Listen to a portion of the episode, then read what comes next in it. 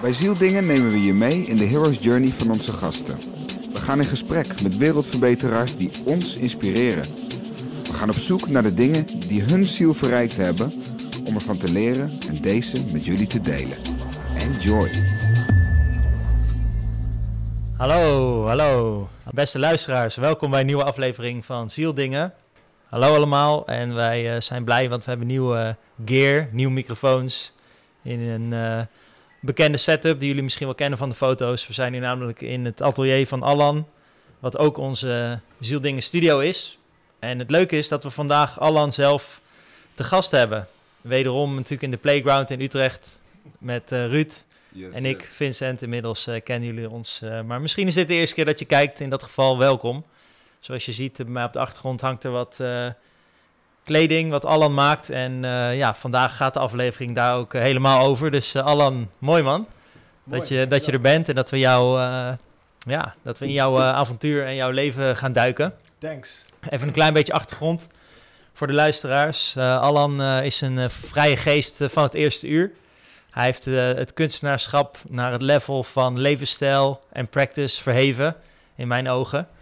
En ja, vandaag duiken we in jouw journey. Uh, met name ook in de diepere lagen van je kledingmerk, Bashmate. Mm -hmm. En de manier van leven die jij erop nahoudt, die zeker meer dan uniek te noemen is. Ik ken, niemand, ik ja, ik ken niemand die zo leeft als jij. En het mooie vind ik dat je het doet zonder dat je er iemand over vertelt je laat het zien in je acties. En ja, vandaag gaan we het er wel over hebben. Dus ik hoop dat je... Uh, nou ja, het is misschien voor jou uh, ongemakkelijk of ja, een beetje ongebruikelijk om het zo uh, te vertellen. Maar is toch, dank je wel. Oké. Okay.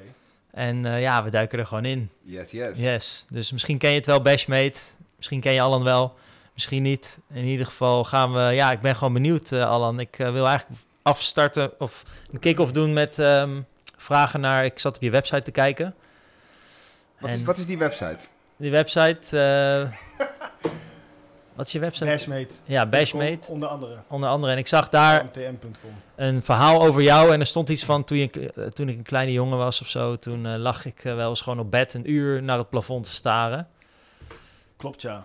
en ik vond het echt super intrigerend. Mm -hmm. kan je daar iets over vertellen? Wat er door jou heen ging en wat je toen deed eigenlijk als, als kleine jongen? Ja, en het begon een beetje als kleine jongen. En het, ook toen ik wat ouder werd, bleef ik dat een beetje doen. En dat was eigenlijk een beetje de tijd nemen voor mezelf. En ik probeerde vaak, s ochtends vooral, als ik dan wakker werd. En dat, dat was dan als jonge jongen van, van 12, maar ook als student. Toen ik al 19, 20 was. En dan probeerde ik gewoon aan te voelen eigenlijk wat, wat er nou in me omging. En, en waar een knelpunt lag of waar het niet lekker lag.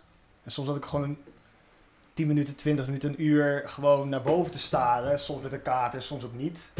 Maar gewoon, om gewoon te voelen wat ik nou voelde eigenlijk. Wat er nou onder de lagen lag. En zo op die manier vond ik het belangrijk om, om dicht bij mezelf te blijven. Dus veel keuzes en veel... Um, ja, veel keuzes heb ik gemaakt. Dus door middel... Uh, door gewoon in stilte naar mezelf een soort van uh, te luisteren en aan te voelen ja, wat, wat ik nou moest doen of uh, waar het ja, waar ik uh, waar mijn pijnpunten lagen of ja, mm -hmm. een soort van mijn manier van meditatie was op dat moment, dacht ik, achteraf. Ja. En um, ja, het was een van de dingen die ik dan als tools had. En is dat iets wat je geleerd had of zo. Dus dus dat kwam gewoon intuïtief? Of hoe ben je daarop gekomen als je terugkijkt? Ik denk intuïtief, ja. Dus ik vond het altijd al belangrijk om, om dicht bij mezelf te blijven op een of andere manier. En dit was dan een manier om uh, dat te doen. Oké, okay, oké. Okay. Want, want je hebt natuurlijk een kledingmerk, maar je maakt ook heel veel beeldende kunst. Ja. Dus schilderijen of gewoon, uh, ja, hoe moet ik het noemen, cartoons of... Ja, ik weet ja, kan, ja, ja. Het zijn um, ja, schilderijen. Het, het werk, een beetje wat ik tot nu toe gemaakt heb, dat is, dat is toch nog geïnspireerd veel ook uit een soort van nostalgie en uh, de dingen die me als kind interesseerden en, en wat ik toen cool en tof vond. En eigenlijk moest ik een soort van eerst dat een beetje een plek geven. Dus begon met Turtles te schilderen en met Street Fighter figuren en Mortal Kombat-achtige figuren. En ja, ik, ik, ik wilde gewoon ehm, die dingen eerst een plek geven. Mhm. Eh, misschien ook omdat ik in de lange tijd dus ook niet geschilderd heb. Eh, dus vanaf... Ja, ik heb eigenlijk nooit echt geschilderd, alleen bij CKV-les en eh, op de basisschool. Maar ik begon dat weer een beetje te doen toen ik in, het, in het tweede jaar van de studie zat of zo. Dus Mhm. toen was ik denk ik begin twintig ergens. Toen begon ik weer een beetje te schilderen. En toen eh, ja, ben ik eerst de, ja, gaan maken wat ik, wat ik vroeger tof vond. Ehm, en ja, nu kom ik een beetje in een fase dat ik ga schilderen wat ik op dit moment tof vind. En wa- hoe ik de toekomst eh, voor me zie. Oké, dus als ik, het goed, als ik het goed begrijp, ben je op je 19e, 20ste, heb je ruimte gegeven aan iets wat eigenlijk al in je zat. Klopt dat? Ja, ja op een gegeven moment. Toen wist ik gewoon, deze studie past niet meer bij mij. Ehm, dat was een van de eerste momenten. Dus dat ik, denk in de tweede van communicatiemanagement zat. En Mhm. dacht van ja, oké, het, het is leuk. Maar ik heb eigenlijk deze studie een beetje eh, om de verkeerde redenen ge- gekozen. Ook een beetje uit angst. Dus ik heb geen kunstacademie gedaan, omdat ik... Ik had een soort van... ehm, ja, een vooroordeel over kunstenaars. En toen zat ik nog in de fase ook dat ik geld ook wel eh, belangrijk vond. Dus ge- om geld te gaan verdienen. En Mhm. ik associeerde gewoon kunstenaars met een beetje ja, sloeberachtige mensen. En eh, niet commercieel. En ik zag ook geen voorbeelden om me heen van succesvolle kunstenaars of zo. Ik had een soort van... eh, ja, een beetje een sloeberig beeld bij. En ook bij vormgevers dacht ik van ja, dan zit je de hele dag... Zit je dan eh, achter je computer een beetje vorm te geven. Dat vond ik ook niet zo romantisch of zo. Ik vond het ook niet zo cool. En ik dacht van de reclamewereld, dat, dat lijkt me wel interessant. Nike, dat was eigenlijk mijn droom. Ik wil bij Nike werken. Waarom was dat zo? Wat intrigeerde je zo in Nike? Ja, dat is altijd vanaf, vanaf kinds af aan. Dus in de... Toen ik klein was, gewoon op de basisschool was ik al gewoon geobsedeerd door Nike. Alles wat met Nike te maken had. Ik wilde het hebben, kon het niet krijgen. Je moest het hebben op school, want dan was je de man. Je werd gepest als je het niet had. Er werd gevochten om Nike's. En ik was gewoon geobsedeerd door die, door die Nike's, door die Nike pak. Ik denk nog heel vaak na aan die Nike pakken. Gewoon dat je aan die, van die witte pakken, en dan heb je zo'n zo'n zwarte band aan de zijkant. Ja. Met Nike en Nike in het teken, Nike in het teken en zo'n rits. Dat hele pak ervan. En ik ben ook nog, nog steeds geobsedeerd door die Nike Max USA's. Dat een jongen uit onze klas had Nike Max USA's. En dan in wit, bla, donkerblauw, donkerrood. En met die, met die USA-vlag zo op de lip. Ik zo, dat vind ik nog steeds voor mij de holy grail gewoon eigenlijk van patta's. Die is gewoon... Wat? Heb je ze ooit gehad? Ik heb ze nooit gehad. Dus ehm, toen was ik, was ik al gewoon geobsedeerd door die reclames ook. Van Roberto Carlos en Ronaldinho. En al. Oh ja. Ja. Ze tegen die monsters moesten eh, voetballen en zo op zo'n gek fantasiewereldachtige... Of tegen demonen of zo moesten ook voetballen volgens mij. Nike was gewoon de shit voor mij. Nike was gewoon... ehm, ja, ik voelde me gewoon... eh, ik weet niet wat het was. Het was gewoon cool. Ze snapten gewoon branding. Ze snapten eh, wat een jonge jongen wilde zien. En, en ja, als je jong bent, dan, tenminste in mijn geval,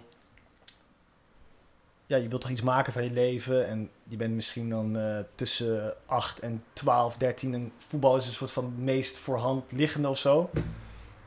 Want iedereen is op die leeftijd, tenminste in die tijd, voetbalplaatjes. Iedereen was gek van voetbal. En de voetballers, daar kijk je naar op. Dat waren de jongens die hebben het gemaakt. Ja. En dat is nog voor muziek eigenlijk. Voordat ik opkeek naar muzikanten of zo. Of, of de Backstreet Boys. Dat begon net ook een beetje in die tijd. Misschien iets erna. Maar ehm, ja, Zijn, maar zijn, je nou, zijn je nou de Backstreet Boys? daar begon het wel bij, ja. Dus in, denk ik in groep 7 was ik ook wel lichtelijk geobsedeerd door Backstreet Boys. Beetje NSYNC daarna misschien. Backstreet Boys. Voor Backstreet Boys vond ik, wel gewoon, vond ik wel gewoon gangster in die zin. Nick, Car- Nick Carter. Ja, ook, zeker. Ik had wel een Nick Carter koepie gewoon. Wauw. Haar geblondeerd, gewoon zo studel. Had je haar gebondeerd? Ja, ik dan, een paar jongens hadden haar geblondeerd, sowieso. En we hadden ook een beetje ons, onze, ons groepje, ons boyband groepje, onze, onze kleine gang, weet je. Dat, dat hadden we dan Antis genoemd. Van alle voornamen, van alle voorletters van de namen. En ik had ook shirtjes gemaakt voor de gang. Ik had Toen al. logo ontworpen voor de gang. Ja, ik had de naam bedacht. En ik weet gewoon nog dat ik in een... Dat ik in dat, aan dat tafeltje zat en dat ik dan de- de Amtis, verschillende Amtis logo's aan het schetsen was. En eentje was zo'n skull met vlammen en dan Amtis zo eronder. En uiteindelijk had ik dus via mijn moeder, haar nicht, die woonde in, in Alaska. En via haar kon ik dan t-shirtjes laten maken. Of het kwam vanuit Filipijnen of zoiets. Of het kwam rechtstreeks vanuit Alaska. In ieder geval, ik kon een ontwerpje maken. Kon ik naar haar opsturen. En dat ging ze dan laten maken. En dan had ik eh, een schets gemaakt van een soort van basketbalshirtje. En dan Amtis aan de voorkant. En aan de achterkant onze namen. Vet. Met het Nike logootje had ik dan nagetekend. Dus op een gegeven moment hadden we dus gewoon eh, vijf van die shirtjes gebrand. Het is official, Antis, weet je wel. En dat was ook een statement gewoon naar de rest toe. En daar werden ook gewoon klassikaal werden er vragen of gesprekken over gevoerd met de leraren. Van ja, jullie zijn Antis en de rest kan niet bij horen en dit en dat. Dus Oh ja, vertel eens. Was dat een dingetje? het was een dingetje, ja. En hoe oud, Dat was je, hoe oud waren jullie Ja, toen? dan zaten we groep 7 of zo. Wauw. En ook op de klassenfoto hadden een paar van die jongens die, dingen aan, weet je wel. Dus dat, dat speelde toen al. Gewoon Ja. die obsessie met merken en eh, kleding en eh, definiëren van groepen. Of eh, ik weet niet, ergens bij willen horen of iets, iets creëren uit het niets en iets willen laten maken. Dat is toen eh, al geboren. En ik zat dus ook vaak te, te schetsen, gewoon Nike-logo's. En dan ging ik bedenken hoe een Nike-logo van boven eruit zou zien als, het- als het 3D was. En dan ging ik hem dus van boven schetsen of van beneden of van schuin, weet je wel. Ging ik gewoon het Nike-logo herdefiniëren. Zo van, Vet. dat soort shit gewoon. Ja. Dat vond ik dan eh, interessant. Leuk om te doen of zo. Ehm, ja. En ehm, daar is het een beetje begonnen. En op een gegeven moment ging ik naar de middelbare school. En daar is het, daar is het dan weer verwaterd. Dan ging ik andere dingen doen. En ik, ik had wel CKV-les. En daarin, ja, voor mijn gevoel blinkte ik wel uit. Of in ieder geval, ik voelde me wel als een vis in het water. Ik was een van de weinige boys die daar überhaupt was. Bij CKV. CKV. En het is wel gewoon een, een omgeving voor mij. eh, ik kon rondlopen. Hoge tafels, barkrukken, allemaal shit om mee te kloten. Veel vrouwen om je heen. Leraressen die jou enigszins begrepen. Waar, waar ik ook Mm. eigenlijk geen huiswerk voor hoefde te maken. Omdat ze iets in mij zagen. Of omdat ze mij, in mij... Dat was één excuus van zo'n lerares. Dat ze... Ja, je, je, ik herken een oude vriend in jou of zoiets. En ja, daardoor hoef je geen huiswerk te maken. of Zo. Zo, dus ik had het wel gefixt weer. En ja, ik had ook het gevoel dat ik die, die kunstgeschiedenis, dat, het- dat het niet echt eh, allemaal hoefde. En Hmm. CKV was gewoon wat losser of zo. Ja. Ik kon gewoon punten scoren door, eh, door mijn eigen tafeltjes te ontwerpen en die figu- figuur te zagen. En mijn eigen vrouwen Timberland-achtige hakken te ontwerpen en dat soort shit. En dat vond ik gewoon leuk om te doen. Maar ehm, daarnaast niet echt in mijn vrije tijd iets mee gedaan of zo. Gewoon meer omdat het moet en je wil het doen. En voor de rest was het gewoon eh, ja, veel hangen, afleiding, veel Ja. rollen gewoon met de hobby's. Ja. En ehm, ja, op een gegeven moment tussenjaar, op een gegeven moment studie gekozen. En dus, dus niet voor een eh, niet voor de HKU gekozen, maar ehm, voor communicatiemanagement, wat jij ook gedaan hebt. Ja. Een soort van hele generieke studie. Ja, wat, wat voor studie is het eigenlijk? Van alles wat, maar niet echt de diepte in of zo. Een beetje psychologie en een beetje ontwerpen en een beetje sociologie en een beetje Marketing. marketing en een klein beetje sales misschien of een klein, weet ik veel. Ja, van alles een beetje. Alles een beetje. Ehm, dus ja, ik miste wel heel erg iets in, eh, in die opleidingen. Toen heb ik eh, in de tweede, derde, toen wilde ik of splitsen of eh, weggaan naar, naar toch een HKU-achtige studie. eh, Wat bedoel je met splitsen? ja, weg eigenlijk. Dus of ik zat met, ik ben dat ik met twee andere klasgenoten, met Davy en nog een andere guy, gingen we naar HKU om te checken of we daar misschien konden instromen of zo. Over nagedacht, toch niet gedaan. En ik dacht van ja, ik ga deze opleiding gewoon afmaken, ook voor mijn ouders. Gewoon ben ik, de- heb ik in een HBO-ding, diploma en dan kan ik daarna nog mijn eigen ding gaan doen. En ehm, Maar wel besloten om daarnaast gewoon mezelf alsnog te ontwikkelen. Dus daarnaast ben ik wel met blogjes bezig gaan houden en fotografiecursus gedaan. En op een gegeven moment ben ik in mijn studentenkamer gewoon eh, een hoekje, een soort van plank, Ikea-plank in de muur gezet. En eh canvasjes gekocht bij de Action en gewoon Action verf. En gewoon maar gaan schilderen wat ik, eh, wat ik wilde. ja, wat, wat, wat mij tof leek eigenlijk. Met, en met wat ik voorhanden had. Toen kwam er eerst een soort van zelfportret uit. Die nog steeds bij mijn ouders eh, staat. Zo'n ding. Van een iconisch beeld van mij. Waar ik, wanneer ik een soort van pasfoto. Ik zou op een pasfoto toen ik zes of zeven was. Met een bolletjestrui van me. Die mijn oma toen gebreid had. En ik had mijn ogen dicht. Dus je ziet gewoon, het is best wel een, het is gewoon een heel iconische foto in mijn leven, zou ik zeggen. Gewoon een hele droog, dat ik mijn ogen dicht heb. Is En een dat oud ik die bolletje. Met Ja. oude bolletjestrui. En zo'n bloempotkapsel. En die had ik, eh, die had ik Ik uiteindelijk... zie het helemaal voor me. Ron. Ja, die is classic. En die trui heb ik nog steeds. En die, die dragen mijn dochters nu ook. Nice. Te zijn, maar ehm, ja, vanuit daar, daarna ben ik Nike's gaan schilderen. En zo, zo moest ik eigenlijk een beetje mijn verleden eerst eh, Ja. kwijt. En toen, eh, ja, dus... ehm, maar ja, vanuit schilderen... Ja, is het een beetje gegroeid. Ik ben altijd blijven schilderen. Ehm, altijd had ik mijn hoekje in de, de meerdere huizen waar ik woonde, had ik altijd mijn hoekje. De- in, die periode hè, dat jij naar de Action ging en je eerste canvasjes Ja. ging halen en ging experimenteren met schilderen. Beschouwde je jezelf toen al als kunstenaar? Of was je toen nog steeds kunstenaar in de maak? Ik ben, ben heel erg benieuwd zeg maar, waar in de tijdlijn jij eh, ja, jezelf in de spiegel durfde aan te kijken en ja, jezelf ging legitimeren met eigenlijk ben ik gewoon kunstenaar. Dat is een goede vraag wel. Maar goed, Ehm, als dat nog niet is, dan komt dat straks wel op de tijdlijn. Ja. Dat, dat weet ik niet. Het kwam langzamerhand wel. En ik weet wel het moment waar een soort van omslagpunt kwam. Dat ik mezelf serieuzer moest en ging nemen. Tot die tijd was het gewoon nog best wel hobbymatig mezelf ontwikkelen daarin. Maar wel met een bepaalde overtuiging dat ik eh, ja dat het wel ergens naartoe zou gaan en ik had ook een bepaald beeld, ik maar zeggen. Dus ik wist, oké, met die HBO-studie gaat het niet worden.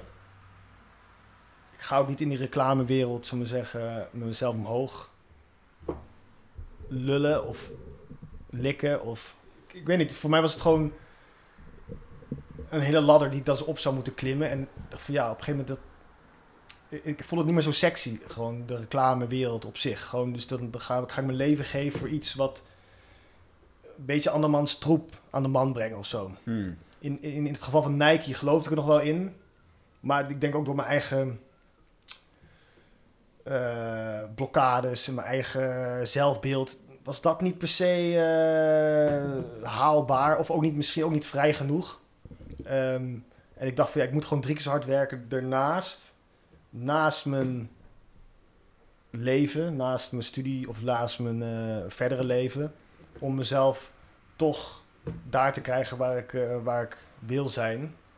En toen de tijd was het op een soort van, ik zag mezelf op een, op een creatieve plek, gewoon een groot, groot studio waar ik allemaal, van, allemaal verschillende dingen zou doen. Dus en fotografie en schilderen en met computer, met websites en misschien met een team en dingen gewoon volledig zou creëren en gewoon eh, zou vlammen, zou ik maar zeggen. Dat was, dat was mijn droom. En ik dacht van ja, dat, dat ga ik waarschijnlijk behalen als ik 40 ben of zo. Maar We zitten er middenin. Ja, Fuck zit it. er middenin. Ja, maar ja, maar op dat moment dacht ik van als ik 40 ben, dat is een, het is een ver van mijn bedshow, maar ik, ik ga gewoon met de weken, met de maanden, met de jaren ga ik er gewoon naartoe werken en dan zie ik het wel. Maar gewoon bouwen, zeg maar. gewoon. Maar weet je wat ik grappig vind? Want je vertelt dit nu en ja, wij zaten bij elkaar in de klas ook toen we communicatie studeerden. Ja. En we zaten heel vaak naast elkaar, maar op een gegeven moment, toen zaten we volgens mij bij commerciële economie en was echt zo'n super saaie leraar. Echt zo'n, eh, hij begon gewoon de les met ik ben econoom en toen ging hij gewoon allemaal economische dingen uitleggen en we vonden het echt ziek saai, maar we moesten eigenlijk de hele tijd lachen omdat hij gewoon zo serieus aan het praten was. En op een gegeven moment was, had hij iets uitgelegd. En toen kwam hij zo, ja, eh, Alan, eh, kan je even samenvatten wat ik net heb uitgelegd? Wat heb je voor aantekeningen? En toen liep hij gewoon naar je boek toe. Toen had je gewoon alleen maar tekeningen van Nikes en Nike's. En een soort theepot met een Nike teken erop. En allemaal gewoon, helemaal gewoon een pagina vol tekeningen gewoon. Ik weet niet of je dat nog weet, maar eh, wij zaten... Jawel, ik kan me wel zoiets herinneren, maar ik, volgens mij was er ook een paar lullen eraan en zo. Ja, een theepot met een lul getekend. En wij moesten gewoon super hard lachen gewoon toen. Ja, En volgens mij, volgens mij waren we toen eruit gestuurd. In- ja, Ja, maar goed. Het zou goed kunnen, ja. Nu je dit vertelt, besef ik van wauw, je was toen gewoon constant aan het tekenen in, in de lessen. Ja, Gewoon allemaal dingen, gewoon die je nu, dat doe je nu natuurlijk. precies. En dat was op de middelbare school ook al allemaal schetsen in mijn, in mijn blokken, in mijn wiskundeblokken en in mijn agenda's en zo. En dat was tijdens de studie ook, ja. Gewoon merknamen verzinnen. Gewoon concepten, tekenen, logo's. Concepten uitdenken van oké, wat, wat zou ik, wat zou ik, wat voor merk zou ik kunnen starten en wat zou dat inhouden en, en bla bla. Dus toen zat het er al heel erg in. Dus tijdens die opleiding was je gewoon jezelf eigenlijk op een andere manier ook aan het opleiden tot Ja, artiest. wel. Het zat er gewoon al in en het moest er gewoon uit. Het was gewoon niet stoppen gewoon. Het was niet te stoppen in die zin. Alleen ik had niet, via school was nog niet de juiste, ehm, juiste kanaal of zo om, om die energie naar buiten te brengen. Ja, want ik kan me ook nog iets herinneren van toen. Want we hadden ook een soort handeltje dan in Nikes. Hmm. Volgens mij, maar je vertelde me toen ook een keer iets van... ja, de manier van kleden is ook een kunst of zo. Dat eh, heeft toen indruk op mij gemaakt. Dat je zei, de manier van hoe je je kleedt is een uiting, is een kunstvorm of zoiets. Dus de manier hoe ik me kleed, ik zie dat als een kunstvorm. Een Ja. uiting of zo. Mhm. Toen dacht ik bij mezelf, wauw, daar heb ik toen heel lang over na zitten denken. En toen waren we, ik weet niet hoe oud, twintig of zo. En toen eh, weet ik nog dat het wel veel indruk maakte. Maar in mijn perceptie ben je nog steeds niet alleen dus kunst aan het maken visueel, maar ook met kleding, hoe je je kleedt, maar ook de kleding die je maakt. En is het een soort Mhm. van samengekomen. Ja. Maar hoe zit dat dan met kleding, zeg maar? Want je maakt nu natuurlijk kleding ook. Ja. Maar waar wa- was je daar ook altijd al mee bezig? Of wanneer is dat ontstaan dan, die kunstvorm die erbij is gekomen? Oh, zeg zo, ja. Ja, dat was dus op de, op de basisschool. Oh ja, met die, al. met die shirtjes. Precies. Ja. En op een gegeven moment ben ik, ik ben vaak teruggegaan naar wat deed ik als kind, zal ik maar zeggen. Als, in tijden dat ik het niet wist of wat ik, dat ik eh, ja, niet wist wat ik moest gaan doen. Of... Dus bij, ik, ik werkte op een gegeven moment bij, eh, bij Groupon. En er waren eigenlijk twee momenten. Eén moment was dat ik schilderen serieuzer ging nemen. omdat ik toen ehm, op mijn rug lag. Weet ik nog, in, in ja, mijn oude huis. En er stond een pot met wiet stond op tafel. Van Mattie van ons, van, van mijn huisgenoot, die het ge- gegroot had. En ik had best wel lang niet gesmoked eigenlijk. En ik zag die pot liggen. Ik ging, eh, ik ging even een jonkertje draaien. En ik ging op mijn rug liggen. En toen, dat was het moment, precies het moment dat ik Joe Rogan ontdekte. Dus dat ging zo, kwam bijeen. Dus ik ging weer jonko roken. Verse biologische shit. Hm. En Joe Rogan op mijn PC met van die compilatiefilmpjes over hem. En dat hij beschrijft over zijn septic tank. En over dat je gewoon iets moet doen in je leven. Dat je er gewoon voor moet gaan en bla bla. Dus ik zat op mijn rug daar stoned te zijn. En al die informatie van Joe Rogan. Ik zo, oké, what the fuck, wat is dit? Dus ik, zo wat ben ik gewoon, ik denk een uur, als het niet langer is, gaan luisteren. En toen kwam ik ook de realisatie van, yo, inderdaad, wat je ook doet, neem het serieus, weet je. Dus oké, wat was ik toen aan het doen? Oh ja, bij Groupon werkte ik als, in de, in, als callcenter medewerker. Amsterdam Amstel. En ehm, wat op zich gezellig was, maar het was gewoon eigenlijk een zwart gat na mijn studie. En ehm, ja, totaal niet iets wat ik waar ik in door wilde gaan of zo. Dus Nee. Ehm, daarnaast schilderde ik alsnog in mijn studentenkamer daarnaast, of in mijn studentenkamer, gewoon in mijn kamer. En, ehm, maar toen ik dat allemaal hoorde en besefte, dacht ik van ja, shit man, inderdaad. Ik ga morgen even goed mijn salaris uitgeven aan goede schilderspullen. Ik ga niet meer die action shit, ik ga niet meer met die kleine canvas. Ik ga gewoon goed in mezelf investeren. Dus de volgende dag ben ik naar de V&D gegaan, allemaal paint gehaald, grote doeken die grote doeken gehaald op de fiets. Gewoon vier doeken in één keer naar, naar, naar mijn huis willen fietsen. Gewoon een paar keer moeten stoppen, omdat het gewoon niet te doen was. Uiteindelijk zijn dat dus die street fights geworden. Die vier doeken heb ik gewoon met de hand Oh. na die realisatie is dat het geworden. Zo. Wow, zijn dat die die daar Dat- hangen die, gewoon? Die, die daar hangen. Zo, Wow. dat is het resultaat daarvan. Vet. Toen ben ik het wel... serieuzer gaan nemen. Toen ben ik ook mezelf meer als, als kunstenaar gaan definiëren of gaan zien, zou ik maar zeggen. Hoe, hoe, hoe reageerde je directe omgeving op, op, op die eerste werken? Ja.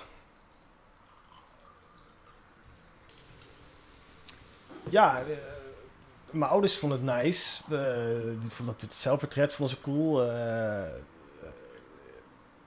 mijn vrienden, die... ja. Ja, ik presenteerde het nog niet echt op... op eh, ik, ja, presenteerde het nog niet echt naar buiten of zoiets. Ik was gewoon... ehm, het stapelde zich gewoon een beetje zo op eh, in mijn kamer. En ehm, op een gegeven moment had ik her en der wel een expositietje of zoiets... dat ik die, die, die, die Street Fighters had gepresenteerd bijvoorbeeld. En daar waren gewoon wel goede reacties op. En mensen vonden het wel cool. En soms, ik liet ook gewoon zien, weet je wel, aan collega's van waar ik mee bezig was. En mensen vonden het dan ook wel cool en zo. En Ja. ook al via Sinta, die, eh, die was ook best wel trots op een gegeven moment. Die ging het ook laten zien. En ja, ik kreeg wel goede feedback. Dus ik dacht van ja, oké. ik, eh. Maar uiteindelijk was voor mij het gewoon belangrijk dat ik het cool vond.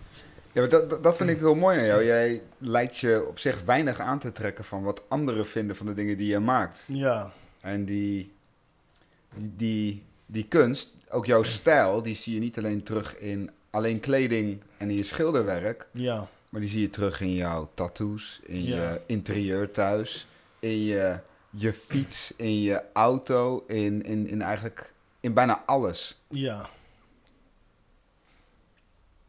Ja, ik heb wel een, een bepaalde mening of een bepaalde ehm, ja, mening over wat ik tof vind, zou ik maar zeggen. En ik ben daar ook wel, in die zin, sta ik daarachter en ben ik er ook wel eh, zeker van dat, dat als ik het tof vind, dat het ook wel andere mensen er zijn die het tof moeten vinden. Ik moet die mensen zien te bereiken, dat is het enige. Maar dat, ik vind wel het belangrijkste dat ik het, dat ik het tof vind, inderdaad. en ik denk dat ik in die zin eh, het ook het puurst mogelijk kan houden. Als ik het, als ik het tof vind, dan... eh, ik moet het sowieso tof vinden. Nou, dat is wel mooi. Je bent echt altijd heel authentiek geble- eh, gebleven van je eigen stijl en je eigen Ja. ideeën daarover. ja, En wat dat betreft, ja, re- toch wel zelfverzekerd daarin ook. ja. Ja, ja. Ja, dat ik het... Ja, ik weet wel wat ik tof vind voor mezelf. En ik begrijp ook dat andere mensen dat misschien niet tof vinden... of dat het niet helemaal hun smaak is. En dat is ook prima. Het tweede moment was eh waarmee kleding... eh, het kledingmoment was dat ik... Op een gegeven moment werd ik... Had ik te horen gekregen dat ik ontslagen zou worden na, bij Copon, zou ik maar zeggen. Dus ze moesten of mijn contract verlengen of eh, ze zouden me laten gaan. Omdat ze allemaal dingen... ge- Ze hadden mijn positie geoutsourced naar Turkije of wat dan ook. Nou, Dus ik wist gewoon, oké, over een maand of twee ga je in de WW. Dus acht maanden, weet ik veel, ik had uitgerekend. Ik zou bijna een jaar in de WW komen of zo. hmm. Kunnen of komen? Komen. Ja. Dus eh, ik dacht van ja, oké, nou, dan is wel een mooi moment om, om nu echt bij mezelf na te gaan van wat, ik, wat wil ik nou? Dus om zeggen, ik wil dat zwarte gat, ik wil dat het eindigt. Dus er moet een soort van vervanging komen van, van een vaste baan. Ik wil dat verplaatsen of naar iets, iets wat gewoon voor mezelf is, zal ik maar zeggen. Maar die, die, die baan zag je als een zwart gat? Nou, dus, dus, ja, dus die baan en de jaren na mijn studie, ik maar zeggen, dat ik gewoon allemaal van die odd jobs deed. Mhm. En uiteindelijk was gewoon mijn droom om dus iets creatiefs te doen. Dus daarmee kon ik het ook goed praten. Van oké, ik doe wel gewoon een pizzeria werken of dat soort shit. Ik doe wel callcenter werk, maar mijn eigenlijke droom is creatief mijn geld verdienen. Mijn eigenlijke droom is dus via schilderen en daarna, weet ik niet, fotografie, iets, iets gaan doen. Dus daarmee kon ik het, mijn eigen waarde ook hoog houden. En daarmee kon ik gewoon... ehm, ik wist gewoon dat dat mijn e- echte pad was. Maar dat, ja, alsnog is het best wel eh, veel tijd die je alsnog besteedt aan iets wat je dan niet leuk vindt of minder leuk vindt of niet helemaal vanuit alignment is. Ja. Dus ik wilde dat zwart gat, ja, zwarte gat. Ik wilde dat even op, ik wilde het uiteindelijk opvullen met iets wat, wat wel eh, helemaal bij me ging passen. Dus En ik dacht, die WW kan ik mooi gebruiken als een soort van tussenfase naar, naar dat. Maar ja, wat wil ik dan? Wil ik dan 100% schilder zijn? Wil ik dan... Ik merkte ook wel dat het best wel eenzaam, een eenzaam ding is.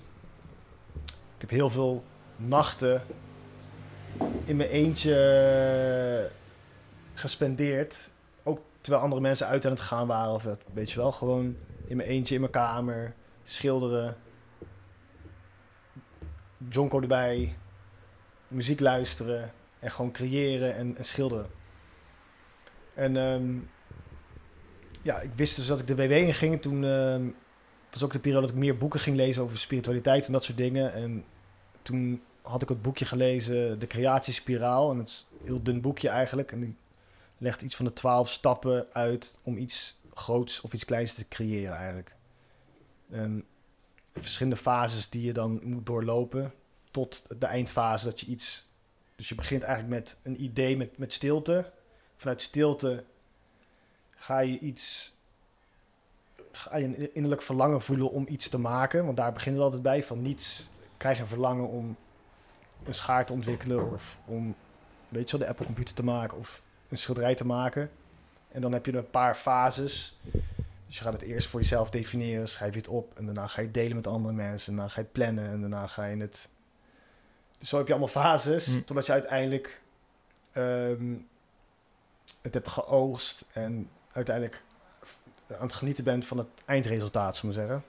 En dus eigenlijk naar aanleiding van het boekje ben ik gewoon na gaan denken van, eh, en aan gaan voelen van, ja, wat wil ik dan als ik morgen op zou staan en ik zou elk beroep kunnen hebben die ik maar kan kiezen. Wat zou dat dan zijn, zeggen. Mhm. Toen moest ik gewoon heel eerlijk naar mezelf zijn, heel diep graven. Toen kwam eigenlijk ehm, dat ik gewoon mijn eigen kledingmerk wilde hebben. Dat, dat, dat was dan het liefste wat ik zou willen doen, zullen we zeggen, op dat moment. Ja. Dus toen wist ik, oké, nou, dan ga ik via de creatiespiraal, dan ga ik, ga ik dat gewoon doen. Ga ik gewoon stap 1, ik ga gewoon eh, ergens beginnen. En eh, door totdat dat bereikt is. En dan ehm, zie ik het wel. Dus Wa- toen- Wa- Wat betekent, wat betekent het voor jou als je andere mensen ziet lopen in de kleding die jij gemaakt hebt? Ja, wat betekent dat voor mij? Of wat doet het met je? Ehm, Het komt geregeld voor. het komt wel geregeld voor. Ja, ik vind, ik vind, het, een, eh, ik vind het een eer dat mensen hetgene wat, wat ik voor ogen had, dus een bepaald shirt, een bepaald design, dat ze dat ook zodanig tof vinden dat ze dat ook uit willen dragen, dat ze dat ook dragen. Ehm, vaak zien ze er ook gewoon goed uit met het shirt, zou ik zeggen. Dus ik ben ook gewoon blij van, ja man, dit is, dit is gewoon, dit is gewoon dope. Maar is- al, je- al jouw vrienden en vriendinnen zien er goed uit, toch? al mijn vrienden zien er goed uit. Ook Ja, zonder shirt. Ook zonder shirt, maar vaak is wel nog extra, een klein beetje extra Met saus. shirt is toch beter. Met shirt is wel beter. Nee, maar ik, vaak, ehm, het geeft me gewoon een goed gevoel, ja. Eh, ik ben niet er trots op of zo, maar ik, het geeft me gewoon een goed gevoel van, ja, ik vind het fijn dat, dat iemand er ook van kan genieten. Ehm, en er ook van geniet. Want uiteindelijk, dat, dat punt doe ik niet voor mezelf, zou ik zeggen. Dus ik, ik Hm. wil dat andere mensen ervan genieten. En ik, ja, ik ben er niet, eh, ik ben er niet op die manier echt mee bezig als iemand het aan heeft. En ik vind het ook niet ego-strelend of zo. Ik vind het gewoon eh, tof dat iemand het aan heeft. Ja. Ik vind het gewoon hard dat iemand die keuze heeft gemaakt om het te dragen. En dat hij zich er, cool en fijn in voelt, dat is gewoon top. en, ehm, maar ja, toen, eh, toen heb ik eigenlijk mijn spaargeld gepakt van, die, van, van eh, wat ik toen had. Eh 2000 euro zoiets. En toen heb ik die WW gewoon gepakt om ja, zo ver mogelijk te komen in die, in die acht maanden. Toen heb ik een zeefdruk workshop gedaan bij Kapitaal. Toevallig, dus in die periode, gingen vrienden van ons die workshop geven. En werd Kapitaal opgericht. En toen ben ik daar eigenlijk eh, een beetje kind aan huis geworden. Heb ik van hun geleerd te zeefdrukken. Toen ging ik daar gewoon altijd werken met mijn laptop. In die acht maanden ging ik gewoon daarheen, kantoor, kantooruren. En dan eh, ging ik gewoon... eh, ja, toen, toenmalig Bangladesh, nu Bashmate, daar ging ik gewoon aan werken. Hm. Met een droom voor ogen, met een, met een bepaalde visie voor ogen. Ik wilde, wilde me eigenlijk ook mijn innerlijke spirituele groei wil ik vertalen in kleding. Ik wilde dus dat, dat mijn... Dat... Ja, dat je... Dat ik van buiten hetgene wat ik van binnen meemaak, dat dat ook van buiten zichtbaar was. Hm. Dus, ehm, en ik wilde een soort van, ik miste een bepaalde levensvisie, levensstijl in kleding. Dus ik was gewoon een fan van streetwear en je ziet gewoon heel veel merken en hun branding en, en de lifestyle die ze er- erbij verkopen, we maar zeggen. Dat is vaak ja, een soort van of celebrity culture of eh, een beetje doodcultuur. Het is gewoon rock and roll, het is eh, fast life, het is stacks, het is eh, of skateboarden, skatemerken, weet je wel. Hm. Het is ook gewoon een beetje rock and roll lifestyle en dat is ook goed. En daar ben ik ook van.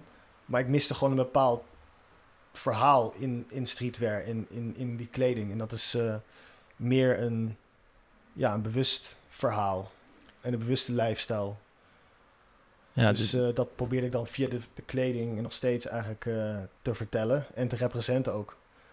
ja, dus je, je wilde dat kleding en het merk een afspiegeling werd van je eigen spirituele groei, zei je net, In toch? eerste instantie ja. Want kan je dan iets vertellen over wat er dan misschien wel tegelijkertijd plaatsvond als eh, jouw spirituele groei, zeg maar? Of hoe Ja, kan je daar wat over vertellen? ja, we begonnen, tenminste toen ik ook Sinta on- ontmoette, toen begonnen we ook samen veel meer eh, boeken te lezen. En ik, ik eigenlijk, daarvoor had ik even, was ik in mijn eentje was ik naar Thailand gegaan en toen had ik, toen is het helemaal begon, toen begon ik een beetje boeken over het boeddhisme en zo te lezen. En toen was ik nog niet heel erg ermee bezig, maar vooral met Sinta, toen begonnen we steeds meer eh, ons te verdiepen daarin en in voeding en in eh, meditatie en ook psychedelica. Dus toen zijn we samen veel trips gaan doen ook. Dus veel truffel dingen gedaan en op een gegeven moment eh, ja, LSD en naar Brazilië gaan en daar ayahuasca en peyote en dat soort dingen. En gewoon dat soort ceremonietjes voor onszelf of ergens te, te volgen en te doen. Te experimenteren en spirit science en documentaires en gewoon het hele dat hele ding gewoon waar iedereen dan in, in valt, weet je wel. Als je Mhm. eh, een nieuwe... Als je je ogen opent eigenlijk, een beetje. Mhm. En ehm, ja, met mijn achtergrond vond ik het gewoon belangrijk dat... Tenminste, ik zag het gewoon voor ogen dat ik dat kon combineren. Gewoon ehm, wel op een, op, een, op een streetwise manier toffe kleding maken. Die, wel met een, met een spirituele ondertoon en met een bewuste, bewust doel. Ehm, dus toen de tijd was, moest ook gewoon alles, en nog steeds moet alles gewoon of van organisch materiaal zijn. En gewoon karmisch gewoon zo hoogwaardig mogelijk zijn. Toen was het helemaal niet gebruikelijk. Ehm, en nu zie je dat natuurlijk veel meer en dat is, dat is alleen maar beter. Ehm, ja, ik probeerde gewoon een ander narratief eh, te vertellen. En ja, in eerste instantie was het dan vanuit mijn eigen groei. En nu ehm, probeer ik eigenlijk die hele lifestyle een beetje, een beetje meditatieve lifestyle te pushen via het merk.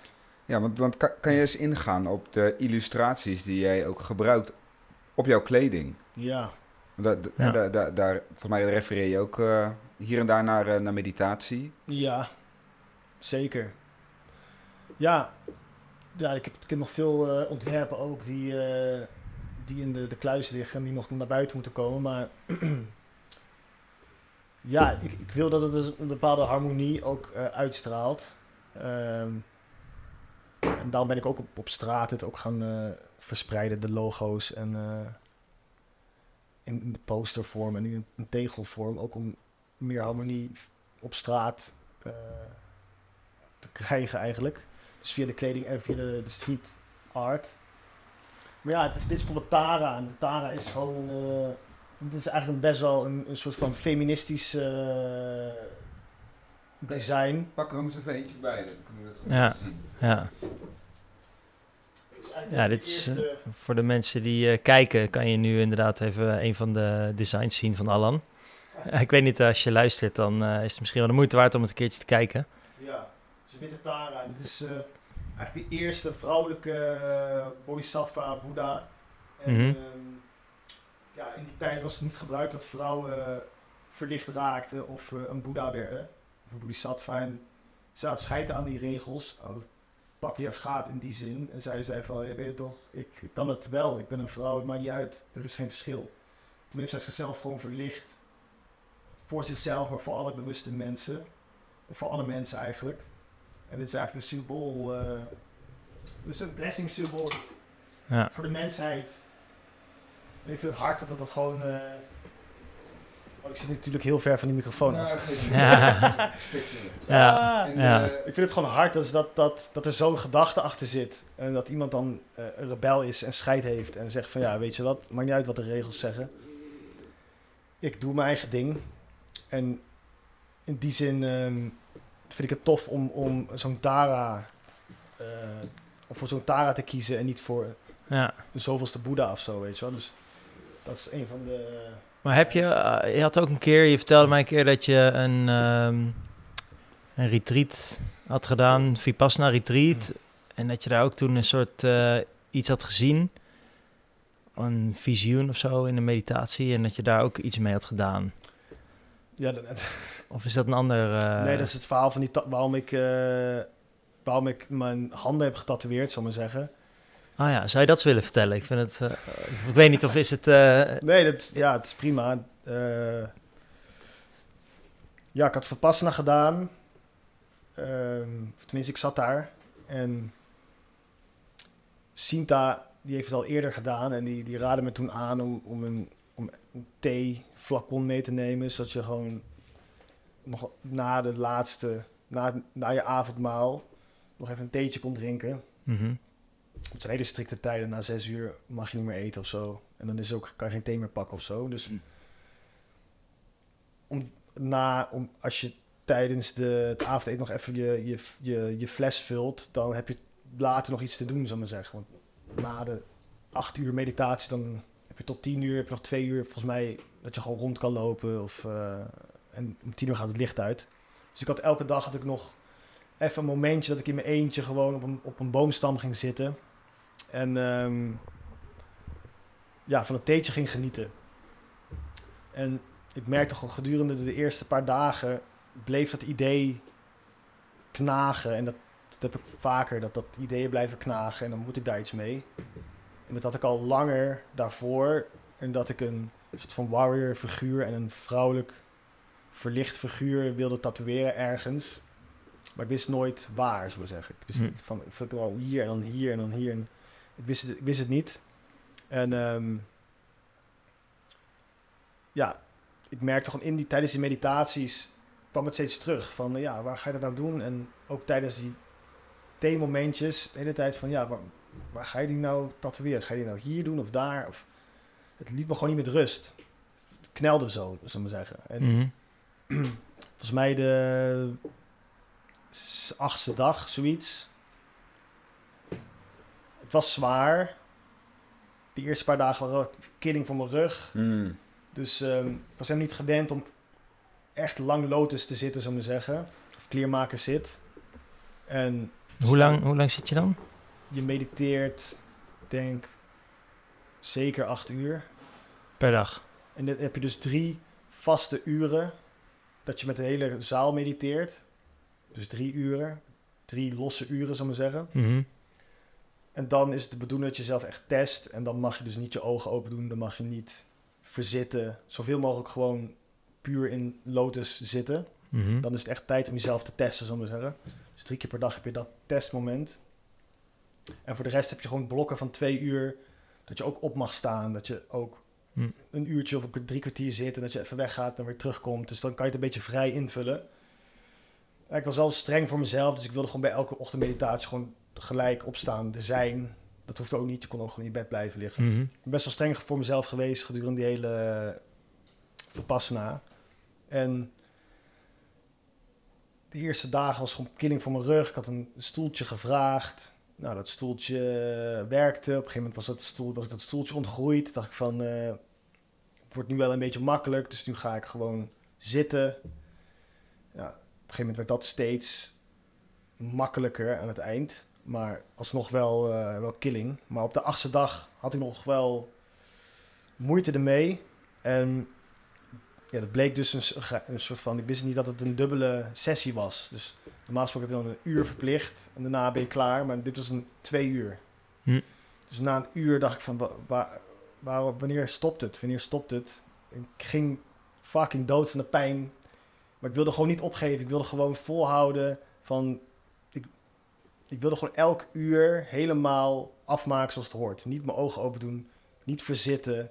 Gewoon kapot gaan en gewoon focussen op de observator en niet afgeleid raken. Gewoon streng zijn voor mezelf. En toen in dat, ja, dat, dat tweede uur, dus dat had ik al een uur gezeten, ik ging al helemaal stuk. Ik wilde volhouden en ik dacht, van, dit is niet normaal. Het is, is gewoon een dubbele sessie, wat is dit? En pijn en pijn en op een gegeven moment, toen viel dat, toen had ik mijn ogen dicht en toen zag ik gewoon, ja, die vrouw en een warwis op mijn handen komen. Dus ik kreeg het antwoord eigenlijk van waar ik die tattoos moest gaan zetten, zal ik maar zeggen. En opeens was het super kristalhelder. Dus ik, ik zag gewoon mijn handen oplichten. Ik dacht van, wauw, daar moet ik ze nu doen. Ik weet niks zeker, maar dit is wat ik zeker weet. En opeens voelde ik een kracht. Toen opeens moest ik die tattoos verdienen. Dus ik kreeg een nieuwe energie. Ging weer nog rechter zitten en zo. Oké, wow, wow, wow, wow, dit is Dwars door de pijn heen. dwars door de pijn heen en gewoon gaan. En dat heeft me daarna ook gewoon wel ehm, gesterkt. Want ik wist van ik wil die tattoos verdienen. Ik weet dat het, dat het moet.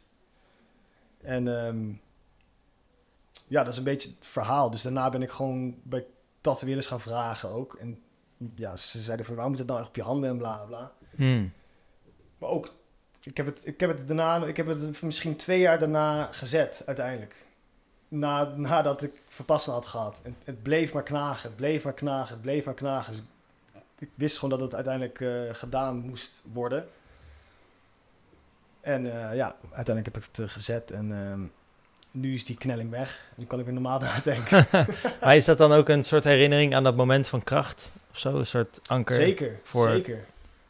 Ja, het, het, het, het stond en het staat nog steeds eigenlijk symbool voor en die twee energieën die, die ik wil uitstralen en behulzen, zal ik maar zeggen. Gewoon het, het spirituele en het aardse. Dus Hm. een beetje het, het een verlichte energie, maar ook een, een- gewoon een warrior energie. En ja, die komen dan hier samen. Maar het, het, het represent voor mij ook ja, dat gevoel ehm, van jezelf uitdagen. Hm. En voor spirituele groei of voor eigen groei. En uiteindelijk in het belang van, van iedereen. Ja, Dus ehm, ja. vet man. het- Ja, la- ja, het ja is hier, wel- het, hier het, zo. verhaal, we zeggen, het, het, Ja, het, het represent ook wel Vipassana in die zin. Ja. Dus, iets, ehm, iets dichterbij eh, bij de camera? Dan... Zo, ja, vet.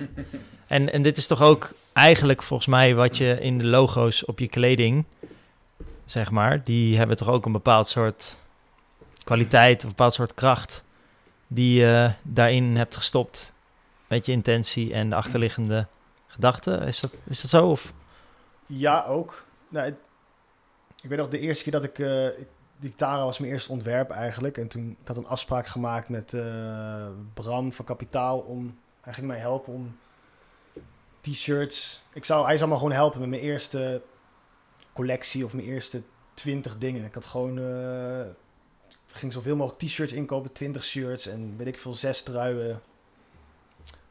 Eh, een paar broekjes had ik ingekocht. Broekjes. Ja, een paar Kleine broekjes. broekjes. Een paar broekjes. Een paar stringetjes gewoon. En ehm, ik heb met hem afgesproken daar. Oké, cool. Hij ging me helpen. Tara erop gezet. Bangladesh voor. Tara achter. En ehm jonkel gerookt om het te vieren. En toen kwam ik thuis met die doos. En toen keek ik zo in de spiegel. Oké, ik, ik deed het shirt aan, een broekje aan. Ik keek naar mezelf en ik dacht van wow, dit is, dit is fucking sick. Zo krachtig. Wauw, ik ging zo Zo, oh, what the fuck. Dit heb ik gewoon net gedrukt. Wow, yo, dit is... Vond, ik vond het super krachtig. Toen ik die doos dus onder mijn bed gelegd.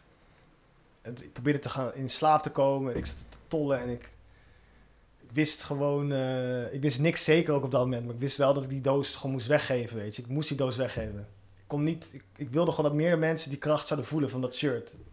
Dus toen ben ik gewoon gericht naar al mijn vrienden. Hier, jij een shirt, jij een shirt, jij een shirt, jij een Ik shirt. weet het nog wel, ja. Toen heb ik gewoon iedereen een shirt gegeven die, die dicht bij mij stond, zullen we maar zeggen. En ehm, ja, kort daarna ging ik naar Ibiza ook voor- met een crew. Was ook wel leuk. Een paar foto's gemaakt daar en zo voor de website. Maar ehm, ja, dat was ook het begin dat ik gewoon die kracht voelde. En dat ik die niet voor mezelf wilde houden, maar wilde delen. Hmm. Ik dacht, eh, ja, het kan, het kan komen door omdat ik het gemaakt heb, dat ik die kracht voel. Maar misschien ook niet. Misschien zit er ook gewoon een bepaalde kracht in dat je... Ja, een bepaalde energie eh, uitstraalt. Omdat je dus een taren op je rug hebt. Of eh, weet je, bepaalde, bepaalde designs. En ik heb die feedback wel meegekregen van mensen dat ze zich... eh, ja, ook krachtig gevoeld hebben als ze het Mm. aan hadden. En als ze ergens naar binnen lopen en ze, ze weten dat ze iets op hun rug hebben, dat ze dat het een bepaalde iets, iets geeft. Best made to cut your back. Ja, Mooi man. Vet. Dus, ehm, maar ja, op een gegeven moment ben ik wel een beetje die dingen ook gaan blessen, weet je wel. Ik probeer alles met, sowieso met een bepaalde intentie te doen. En met een zuivere intentie te doen. Alle, alle keuzes die ik maak, probeer ik gewoon zo zuiver mogelijk te maken. Ehm, en ja, nu, nu ben ik ook een beetje met een klankschaal bezig als ik, eh, als ik een shirt gemaakt heb. Om een bepaalde intentie aan elk shirt te geven. En dat is sinds... eh, ja, sinds een paar maanden of zo. Maar ehm, ja, die kracht probeer ik op een of andere manier eh, via verschillende, dus ook via de, de straat, weet je wel, probeer ik het op die manier ook over te brengen. Maar ik heb ook het gevoel dat het, ja, die ideeën die komen dus ergens vandaan. Het zijn niet mijn ideeën of zo, weet je wel. Dus ik, ik ben alleen maar een soort van doorgeefluik van de ideeën. En ik ben dan meer een soort van tool voor die, voor die ideeën. En die maak ik dan en dan geef ik het weg. Of dan zend ik het uit en dan zit, zit mijn taak op, er weer op. En dan ga ik naar het volgende idee. En zo ehm, ja, zie ik mezelf meer als een tool of zo. Van het universum. En eh, ja, Vet man. En, dus ja, via die kleding en via ook kunst gewoon ehm, ja, te, te, te kanaliseren. Dus je ziet jezelf gewoon als een kanaal voor ideeën die vanuit een andere plek komen. Die wel Ja. verbonden is met jou. En dat je bent gewoon hier om dat te geven. En aan wie is het voor je gevoel? Aan wie ge- geef je dat? Ja, iedereen die dit resoneert, denk ik. Iedereen die het nodig heeft. En die, Eh, en die jouw kleding draagt. Ja, want bij hun resoneert het en die eh, willen het dan ook dragen. Dus ja. Maar die, kijk, die ideeën komen niet van mijn brein of zo, weet je wel. Dus die komen ergens vandaan. En ja, ik probeer mezelf gewoon ontvankelijk daarvoor te maken. Beat wel, wil wel helpen ook.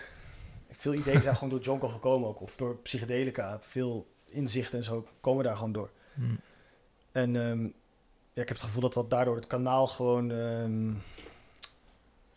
op, meer open staat soms. En ehm, ja, dat het voor mij soms duidelijker is van wat ik moet gaan doen. En dat volg ik dan maar. Maar je hebt ook wel een, een, een dagelijkse eh, practice, toch? Zeg maar de Ja. meditatie en Ja. wat, wat, ik weet niet wat je allemaal tegenwoordig beoefent. Tegenwoordig probeer ik het een beetje te minimaliseren. In de zin van dat ik eh, lange tijd veel heb proberen te doen, s ochtends. En veel proberen te proppen in, in de ochtend. en dan en moest ik mijn meditatie doen. En ik moest mijn yoga doen. En ik moest mijn calisthenics doen, zal ik maar zeggen. En Ja. liefst ook nog iets lezen of ook nog iets schrijven of wat dan ook. Dus de- op een gegeven moment werd ik daar best wel... ehm, ja, niet gestrest misschien, maar wel... Ja, misschien ook wel gestrest van. Of te vaak teleurgesteld was dat het niet lukte. Gefrustreerd, gefrustreerd. Ja. En ehm nu probeer ik iets meer eh, gentle ook te zijn daarin. En eh, nu is vooral 's ochtends calisthenics, een beetje stretchen en een, moment voor mezelf nemen. Gewoon kan iets ademhaling zijn of, ehm, of een meditatie. Ehm, ja, gedurende het jaar heb ik gewoon veel tools proberen te leren voor mijn tool, in mijn toolbox. En die dan, eh, wanneer het nodig is, ja, kan ik daar gebruik van maken. En eh, het verschilt gewoon best wel per, per periode wat dan mijn ochtendroutine of avondroutine behulst. Ik vind, Hm. ik vind ja, jij eh, maakt altijd best wel eh, heel bewust keuzes in, in, in, in, in, in meer dan alleen in, in jouw artistieke gedeelte. Het zit ook in jouw eh, voeding bijvoorbeeld. Zelfs in eh, het soort verf wat je gebruikt in het interieur van je woning. Ja. Hoe kan je ons proberen mee te nemen in hoe jij naar de wereld kijkt? En wat, wat, wat jouw visie daarop is? En dan bedoel ik niet zozeer de tijdlijn van de wereld, hè, waar we naartoe gaan of wat dan ook. Maar meer, Ja. hoe ziet het eruit als we door de bril van Allan eh, naar de wereld kijken en, en, en keuzes maken? Zonder oordeel naar anderen. Meer gewoon vanuit mezelf. Nee, ehm, Oordeelvrij. oordeelvrij. Hoe kijk ik naar de wereld? Ja, ik denk, ik refereer vaak naar, tenminste mijn, hoe noem dat, referentiekader is vaak een beetje richting de oermens. Of niet de oermens, maar meer richting jungle life of zo. Dat, dat, dat we bijvoorbeeld 5000 jaar of 10.000 jaar, het ligt er een beetje aan welke tijdlijn of welke fase natuurlijk van humanity. In ieder geval, ik, ik geloof ook dat we bepaald in ons DNA bepaalde dingen gewend zijn om te leven. Dat is gewoon vooral buiten en dat is vooral in communities en het is vooral gewoon zo ver als mogelijk en het is vooral blote voeten en het is vooral slaap op de grond en het is vooral veel in de zon zijn en vooral bepaalde verstandhouding in mannelijke energie, vrouwelijke energie, bepaalde natuurlijke ehm, balans. Het is ook wel eh, hele essentiële dingen die ik je hoor zeggen. Ja, In de zin van, het gaat ook een beetje over de essentie. de essentie, ja. En dat, dat, dat society is wel leuk en aardig allemaal, weet je wel, dat wat we eromheen gecreëerd hebben. Ehm, maar de baseline is dat we wel gewoon nog steeds datzelfde DNA ook in ons hebben. En dat, dat we die zon nog steeds nodig hebben. En dat op een stoel zitten te lang nog steeds niet natuurlijk is. En dat we nog steeds eh, als man een beschermer moeten zijn of een provider. Of... Dus, en dat ja, communale banden nog steeds super belangrijk zijn als mannen onderling en als community zijn. En, en dat je gewoon, dat het überhaupt nog steeds niet normaal is om gewoon eh, ja, je leefomgeving met plastic in te smeren, die je, ja, die gewoon bewezen ook nog uitzetten gedurende de jaren. En daarbij bedoel jij... eh, Synthetische verf bijvoorbeeld. ja, weet ja, je wel. ja, Dus ja, ja. als je dat soort dingen weet, überhaupt, weet je wel, dus water, uitlaatgassen, al die dingen zijn niet natuurlijk. En mijn referentiekader is dus vaak gewoon de, de natural persoon, mens. En ik probeer daar een balans in te vinden tussen, ja, wat, wat, wat die, wat mijn biologie wil of zo, wat, wat die oermens wil en hoe de DNA in elkaar zit. En ook met society meespelen geloof ook dat, dat dit nu gewoon. eh, dat, dat de mens ook evolved is. En, ehm, en dat we vroeger nog, steeds, nog veel meer evolved waren. Dus ook op die manier. ehm, Zijn, we iets kwijt, zijn we iets kwijtgeraakt? ik denk dat we genoeg kennis kwijt zijn geraakt, ja. Zeker. Ik bedoel, die bibliotheek Alexandrië is genoeg kennis is verloren gegaan natuurlijk. En ook in de generaties, ik denk dat er meerdere generaties voor ons ook geleefd hebben. Dat dat ook bewezen is door Graham Hancock natuurlijk. En dat er gewoon meerdere, meerdere gloriedagen geweest zijn van de mens. En dat dit niet de eerste, dat we nu niet het vers zijn of zo. Ehm, maar ja, ik probeer ja, door een, ehm, een bril te kijken van, eh, van wat ik wat voor mij het hoogst haalbare is in de tijd waarin ik leef. Dus wat is het hoogst haalbare voor mij om, ehm, om te fietsen, voortbewegen, of om eh, te eten, of om eh, mijn tijd te spenderen, of om mijn huis in te richten. Ja, en daar baseer ik dan ook mijn keuze op. En dat, daarbij kijk ik ook vaak wat de natuurlijke vorm is. Het meest, natuurlijk, wat het meest natuurlijke bij de mens past. Maar ook in deze tijd wat cool is. Wat ik cool vind. En ehm, daar een beetje een balans te vinden. Ja, nice. Vet, ja. Ja, dus die keuzes... ehm, ja, daardoor maak je bepaalde keuzes. Daarom wil je een filter op je douche. Daarom wil je een filter op je, op je water. Daarom wil je bepaalde supplementen nemen. Daarom wil je, ga je naar de pluktuin. En daarom wil je ook gewoon veel buiten zijn en fietsen en eh, heb je een laag bureau thuis of weet je wel, daarom wil je ook een, een protector, daarom train je zelf ook, eh, daarom heb je ook bepaalde eh, ik heb een bepaalde maatstaf wat ik, wat ik voor mezelf wil zijn. Ik wil gewoon het, hoogst haalbare voor mezelf. Ja, je, je- je- Ik heb maar één ja. leven in die zin. Dus je probeert gewoon ervoor te gaan. Je probeert, ik, pro- ik, daarom ik probeer er geen loonslaaf te worden. Dat zou voor mij... Ja, dat is niet, dat is niet waard, zou ik zeggen. Dan is, het, dan is het niet helemaal gelukt. Nee, dus voor mij, wat is het hoogst haalbare? Dus daarom ging ik die, die vraag stellen van, wat is voor mij het hoogst haalbare? Ja, en dat was dus in de kleding, creatief zijn en bla bla. Mhm. Zo, ehm, ik geloof dat je best wel ehm, veel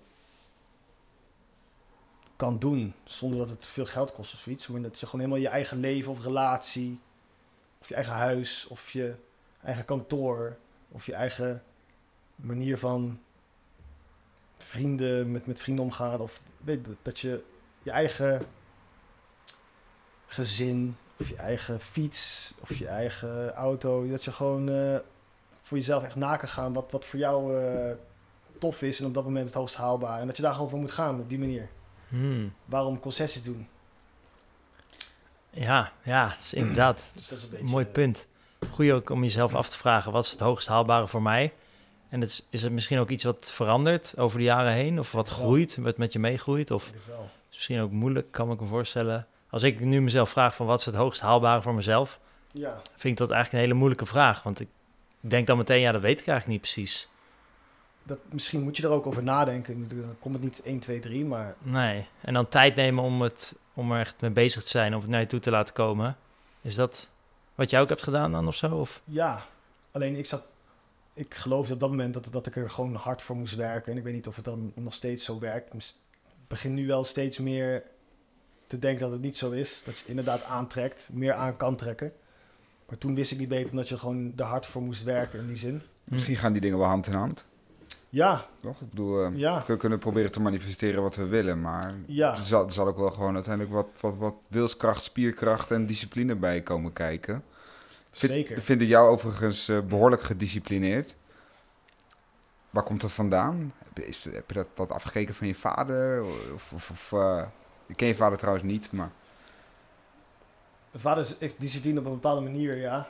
Hij, hij is een ide- idealist in die zin. Ehm, dus ja, ik heb hem zelden horen schreeuwen. Nooit tegen mijn moeder bijvoorbeeld.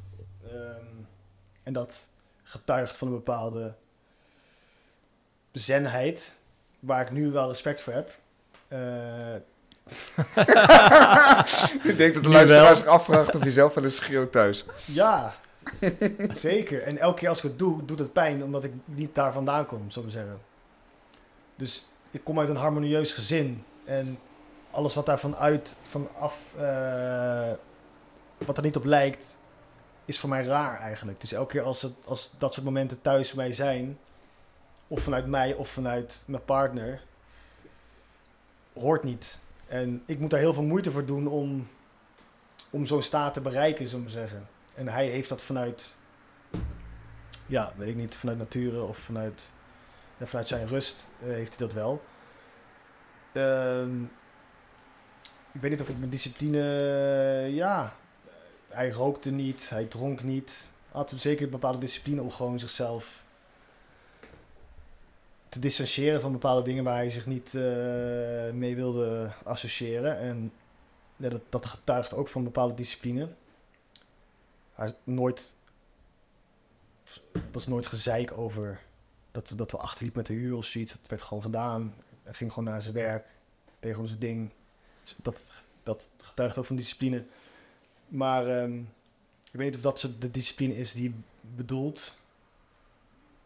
En de andere discipline misschien gewoon... eh, ik ben best, kan best wel streng zijn. En ik vind mezelf ook... En de man misschien ook wel gewoon... ehm, die moet ook niet zo zeuren. Zeggen. Ik ben best wel stoïcijns wat dat betreft. De mannen van vandaag. Ja, ik,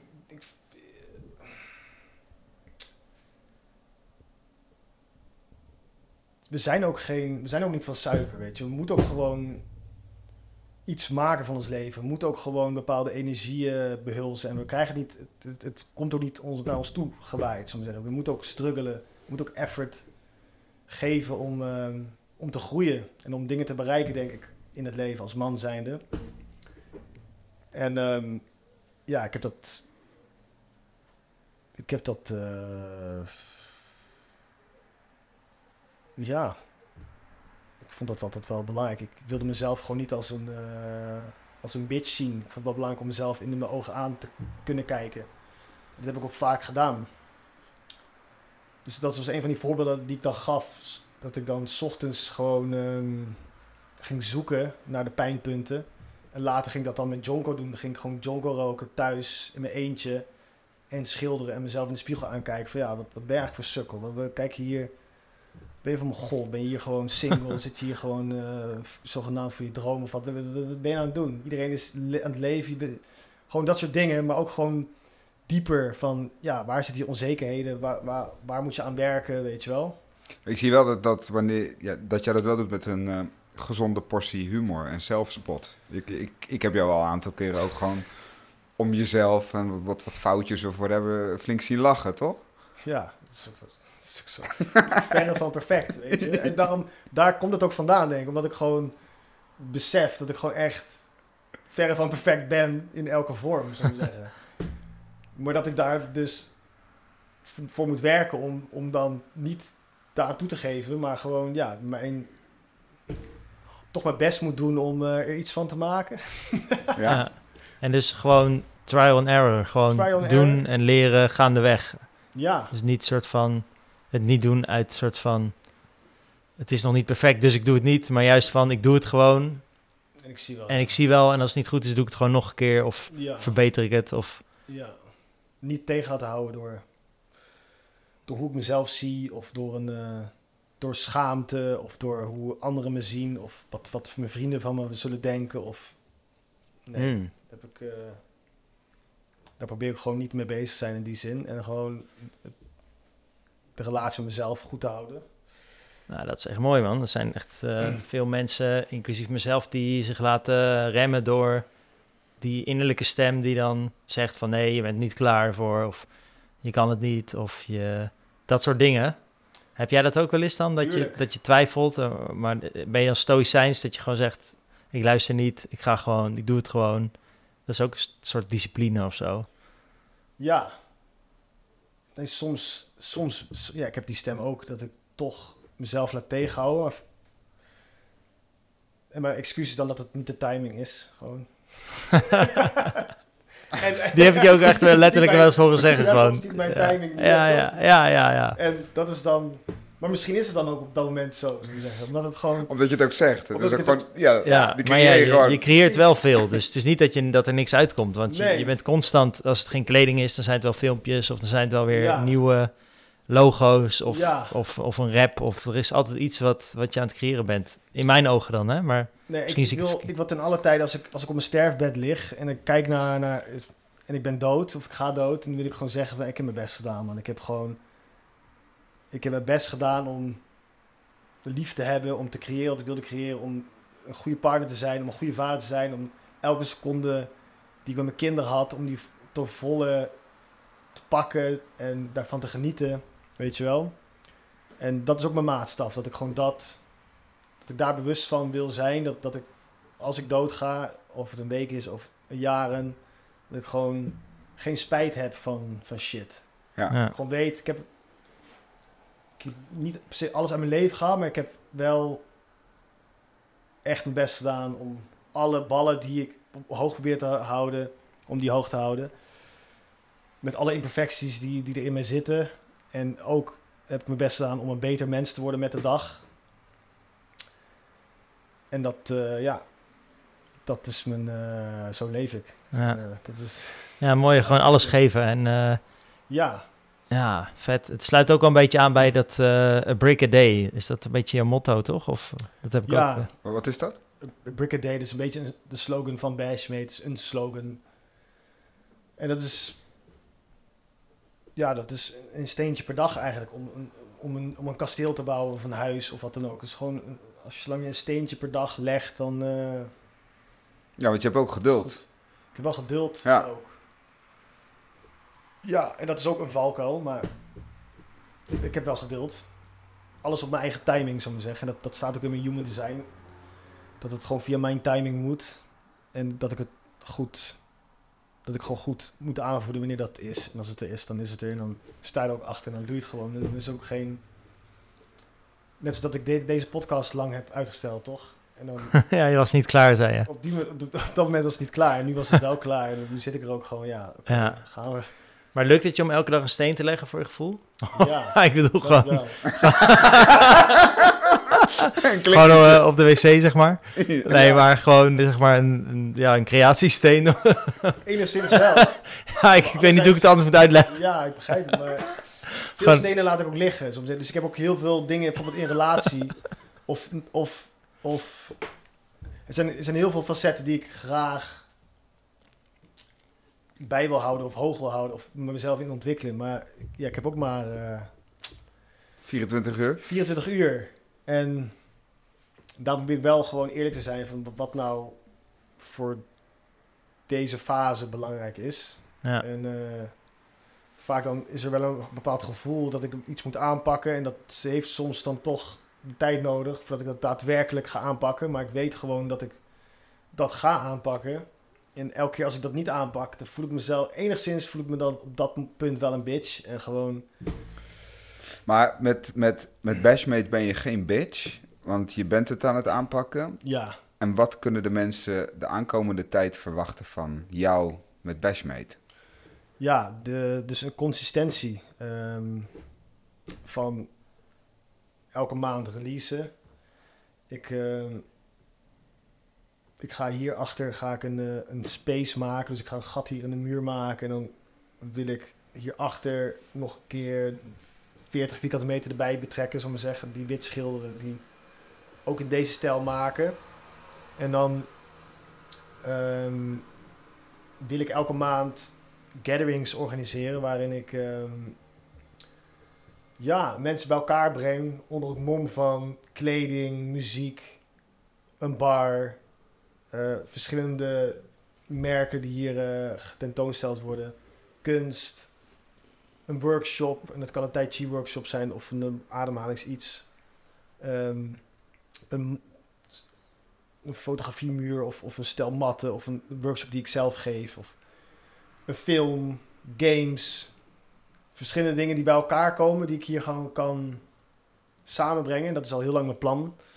Maar die, die wil ik eh daadwerkelijk nu echt eh, tot uitvoering gaan brengen. En ja, ik wil maandelijks een bepaalde sfeer creëren waarin mensen elkaar ontmoeten, een boekje lezen, een film checken, door de kleding gaan, elkaar, weet je, wel, in gesprek gaan, een truffeltje nemen, een lezing misschien, Podcasthoekje. een live podcast die ge- gedaan wordt of zo. Gewoon een platform creëren voor, eh, en voor het merk zelf, maar ook gewoon voor verschillende hoeken uit die bewuste cultuur die ik bij elkaar kan brengen. En waar deze ruimte ook perfect voor is. En dat, dat is ook zo'n idee die ik al heel lang heb. En die ik dan uitstel om mijn eigen redenen. En waar ik dus wel van baal. Maar het Wa- gaat wa- gewoon- sorry, waar baal je van? dat het nog niet gebeurd is, zal ik zeggen. Oké. Maar ja, En, en is het dan een moment dat je op een gegeven moment zo erg baalt dat je het dan toch gaat doen? Dat dat je er dan de kracht geeft om door die blokkade te breken? Of wat, wat zorgt ervoor dat je het op een gegeven moment wel doet? Want uiteindelijk, nou dus, dus de, de, de, de- jij weet de vorige situatie, zal ik maar zeggen, voordat... ja, misschien leuk Voor de luisteraar om nog even... Want de luisteraar die weet natuurlijk van... Ja, je eh, zat toen bij Groupon en je ging Ja. daar weg. Je had acht maanden de tijd. Ja, Maar inmiddels zit je hier met je eigen atelier, Ja. in je eigen plek. ja. Dus dat is misschien een stapje daarvoor nog wat, wat je misschien heel veel kan vertellen. Hoe, je hebt dit gewoon gemanifesteerd. Ja, op een gegeven moment ben ik vanuit huis na Groupon eh, verder gaan werken. Ben ik gewoon thuis een soort van de zeefdruk machine gaan namaken. Ik ging mijn eigen spullen kopen, want ik, kon niet, ik wilde niet de hele tijd bij kapitaal die hun spullen moeten afnemen en dingen moeten huren de hele tijd. Dus ik ging mijn eigen ramen maken, ik ging mijn eigen zeefdruk hoek maken. In mijn eerste instantie deed ik het op de keukentafel en daarna ben ik in mijn kledingkamer, wat niet heel groot was, 20 vierkante meter, had ik dan één half als atelier gewoon. En dan een bed en een kledingkast. En had ik daar een zeefdruk ding gemaakt. En ehm, toen had ik eerst een ateliertje even in Amsterdam. Dat ging niet meer door. Toen ben ik in de stad zijn gekomen. En hier ben ik begonnen eigenlijk met 10 vierkante meter. Waarin ik en schilderde en een box op zak had hangen. En een zeefdrukmachine had. Ja. En van, van die 10 vierkante meter is steeds meer ehm, ruimte eigenlijk bijgekomen door... Ja, deals te maken met de stadstuin zelf. Met de beheerders van het gebouw. En ehm, ja, steeds meer ruimtes ook. De potentie daarvan in te zien. En ja, erbij te vragen en dat te krijgen en ook de kans krijgen. En uh, ook, dus er zat ook veel gunning tussen en bla bla. Dus ik ben ook gewoon um, geholpen daarin. Maar ik heb het wel zelf afgedwongen. Steeds waren er momenten dat ik gewoon bepaalde ideeën kreeg. Dus was ook een keer dat ik bij Neural Beats aan het luisteren was thuis. Er waren eigenlijk twee momenten. Dus één keer was ik bij Neural Beats aan het luisteren thuis. Uh, had ik gerookt en toen was ik toen zei ik tegen mezelf daadwerkelijk, ik ga, ik ga de, de, law of man, de law attraction ga ik nu uitspelen. Ik ga de law of attraction uitspelen. Wat is, wat, wat is hetgene wat ik wil manifesteren? Dat was voordat ik hier dus zat. En toen, had ik, toen probeerde ik voor me te zien wat ik, wat ik wilde gaan creëren. Dat was eigenlijk een grote ruimte in de shitty part of town.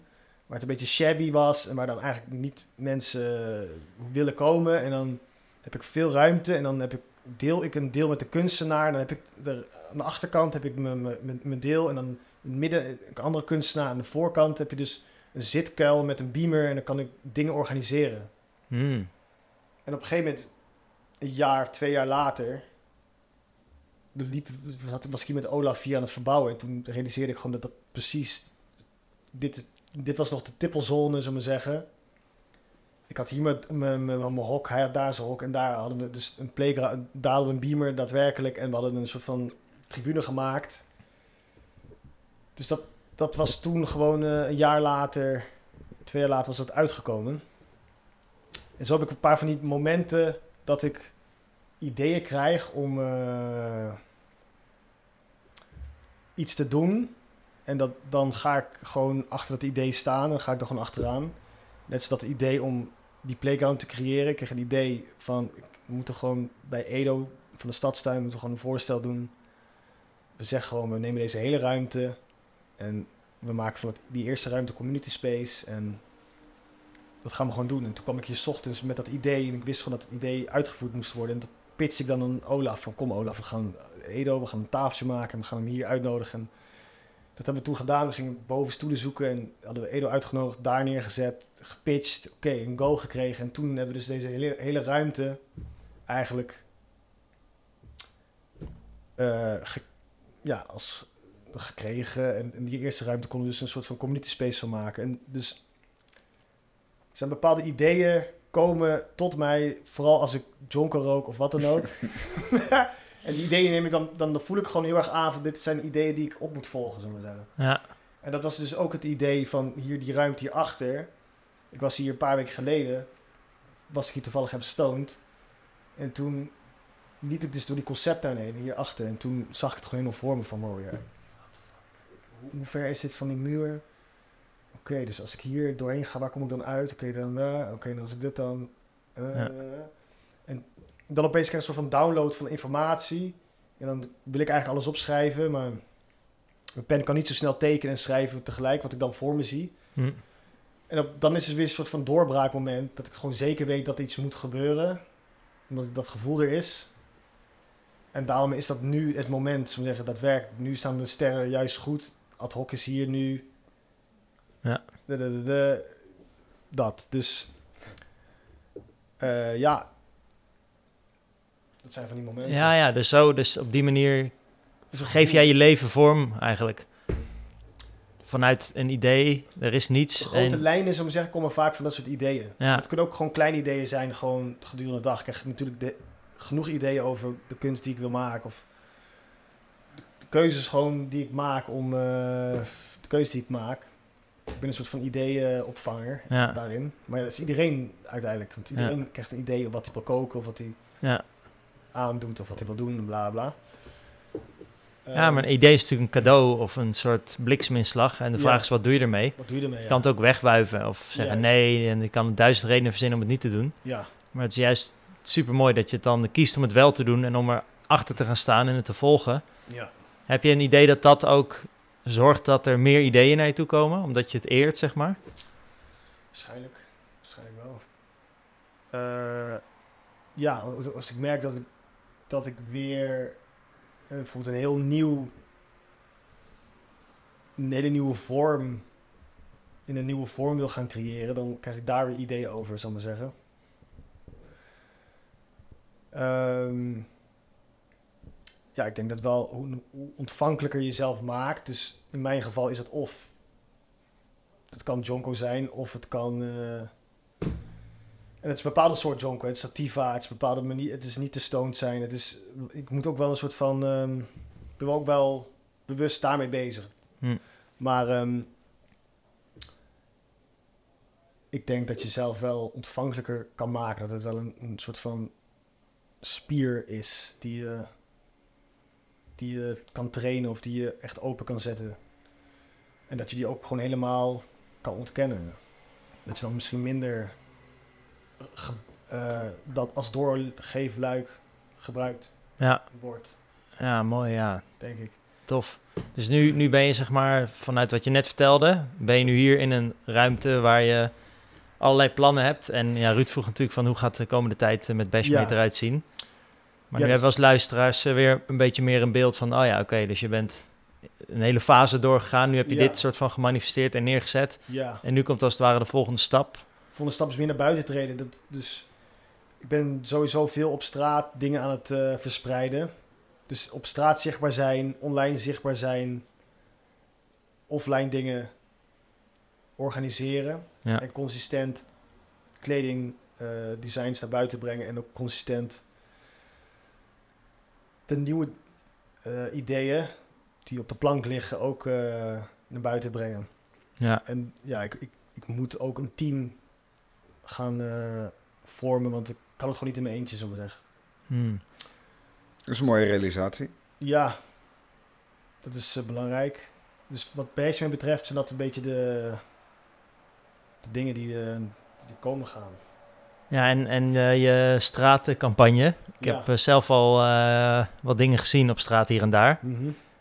Zou je daar, ik weet niet, misschien dat je het ook juist een beetje mysterieus wil houden, dat mensen het zelf moeten ontdekken. Ja, misschien wel. Maar kan je een tipje van de sluier geven over die, je gedachtegoed achter die campagne? Ja, ehm, het is ook ontstaan uit een, ehm, uit een soort van ehm, het heft in eigen handen nemen. Dat het straatbeeld zo, eh, ik irriteer me eraan dat het straatbeeld zo, zo bleu, hoe noem je dat? Gewoon zo sauw-grijs is. En dat, dat alleen de gemeente mag bepalen waar, wat er allemaal gebeurt. En dat, dat je dus alleen maar advertenties ziet, overal zie je advertenties. Gewoon van, me- van merken die poen hebben. En de gemeente kan bepalen wie dat zijn, wie er een podium krijgen. En de rest niet. Gewoon de rest is allemaal illegaal. Je mag niet voor de rest. Dat is dan is vandalisme. Dan is vandalisme. Dus je hebt honderden, je hebt duizenden studenten of duizenden kunstenaars of überhaupt gewoon honderdduizenden mensen hier wonen die ook allemaal iets willen misschien of iets willen zeggen of iets kwijt willen of misschien ook iets willen achterlaten. Mag niet gewoon. Alleen bepaalde bedrijven die betalen en dan krijgen ze een bushokje of wat dan ook. En daar weer word je wel altijd mee gebombardeerd, maar wij mogen dus niks. En dat, ik vind dat niet, eh, ik vind het niet eerlijk en ik vind het ook niet dat het de stad ten goede komt, zullen we zeggen. Mhm. Ik weet gewoon als je er creatiever mee om zou gaan en je zou gewoon kunstenaars of iedereen die wil bepaalde muren geven, bepaalde plekken geeft, dat dat, dat gewoon veel, veel leuker en veel spannender wordt. En dat zie je ook in sommige steden, toch? Dat er heel veel street art is. Dat, dat, dat Mhm. doet gewoon iets met, met, een, eh, met een stad. Ja. En ik probeer het daarin ook mijn steentje bij te dragen door mensen ook uit die dagelijkse sleur te halen om er even een eh, momentje te geven. En in mijn geval wil ik gewoon dat mensen een soort van bewustzijnsmomentje pakken. Dat ze gewoon op een. Dat ze iets meer harmonie ervaren. Gewoon dat ze iets meer bewustzijn ervaren als ze onderweg zijn naar hun werk of wat dan ook. Dat ze gewoon getriggerd worden op een goede manier van, ja, oh ja, even terug naar mijn, mijn ademhaling of zo. Dat is wat mij tof lijkt. Dat is mijn doel met, met, die, eh, met, die, met die kunst. Dus om mensen even net te triggeren gewoon op een positieve manier. En niet gewoon een plaatje te verspreiden, maar wel iets met, met een intentie. Dat is mooi. Ja, vet man. Ja, mooi. Dus eh, als mensen kunnen het zomaar op straat eh, iets Ja. zien wat jij hebt gecreëerd. En eh, Zeker. daar hebben ze dan een bepaald gevoel bij. En dat draagt dan bij aan Aan meer harmonie in de, in de samenleving. vet. ja, mooi. Ja. En hopelijk ook uiteindelijk een, een trigger dat mensen denken van ja, hey, het is grappig. Misschien kan ik ook gewoon iets doen of zo. Of, weet je Mhm. wel. Dus ik probeer met het merk ook mensen uit te dagen om deel te, maar, deel te nemen aan de campagne, zullen we maar zeggen. Ook om ze ja, te laten zien of te laten merken dat je met karton en een mesje gewoon een stencil kan uitsnijden. En dat je daardoor gewoon iets achter kan laten ergens. En dat in herhalende vorm, zullen we zeggen. Dus elk doosje is ook iets, is een, ehm, een stencil wat je dus uit kan snijden. En dit kan je dan gebruiken als stencil in eerste instantie om, om dit te verspreiden. Wat natuurlijk ook een leuke marketingtool is. Maar daarnaast is er iemand wel hopelijk ermee bezig geweest. En misschien denkt van ja, nu ga ik mijn eigen shit maken. Nu ga ik mijn eigen boodschap verspreiden. En in, dat is, dat, in zo'n wereld wil ik eigenlijk leven. Dat het gewoon eh, het straatbeeld bruist van, van de mensen die er wonen. Van de uitingen. Van dat mensen hun unieke zelf gewoon leven. En eh, dat ter uiting brengen. Of, of in hun kleding. Of ehm, in de kunst die ze achterlaten. Of in de auto die ze rijden. Is dan tof als het allemaal... Als iedereen gewoon in zijn eigen licht durft en kan staan. Zonder ruis. Weet wat hij wil gewoon vanuit alignment leeft en op opereert. Dat is uiteindelijk het doel eh, ook met, met, met de kleding, om, om je daartoe te inspireren. En die kracht te geven wellicht, om, om dat leven aan te pakken. En ook, dat probeer ik ook een beetje Dat is een mooie boodschap. te representen, zullen we maar zeggen. Door meditatie ga je gewoon dichter bij jezelf staan. Ja, en, mooi. eh, En, en ga je andere keuzes maken waarschijnlijk. Ja. En dat kan in elke vorm. Dus dit is de vorm die jij, dit is de vorm die jij kiest om, om deze boodschap te uiten. Dit is een vorm, ja. Om je boodschap te uiten. En eh, meditatie kan in verschillende vormen. Ja. Dan weet ik ook dat, dat je een soort meditatieteam thema hebt in je kleding. ja. En zou je dan nog heel veel wat willen vertellen over hoe jij die verschillende vormen van meditatie ziet in relatie tot de kleding die je maakt en de mensen die je wil bereiken? ja, het lijkt me gewoon ultiem om eh, een soort van wereldwijd, sowieso een, een, een, een art movement eh, een soort van eh, te starten, maar ook een meditatieteam. En het hoeft niet letterlijk een meditatieteam te zijn, maar wel ehm, ehm, op een soort van wel een meditatieteam gevoel dat er wereldwijd ehm, mensen getriggerd worden en mensen, ge, ja, mensen getriggerd worden om na te denken: wat is mijn meditatievorm eigenlijk?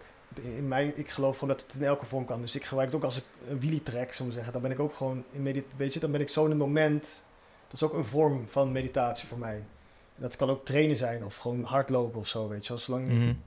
zolang ik maar mijn mind niet heet het loopt te graven, maar gewoon op mijn ademhaling eh, gefocust ben of, of juist op die observende stoel zit, die gewoon je, je gedachten observeert in plaats van de hele tijd ermee te identificeren.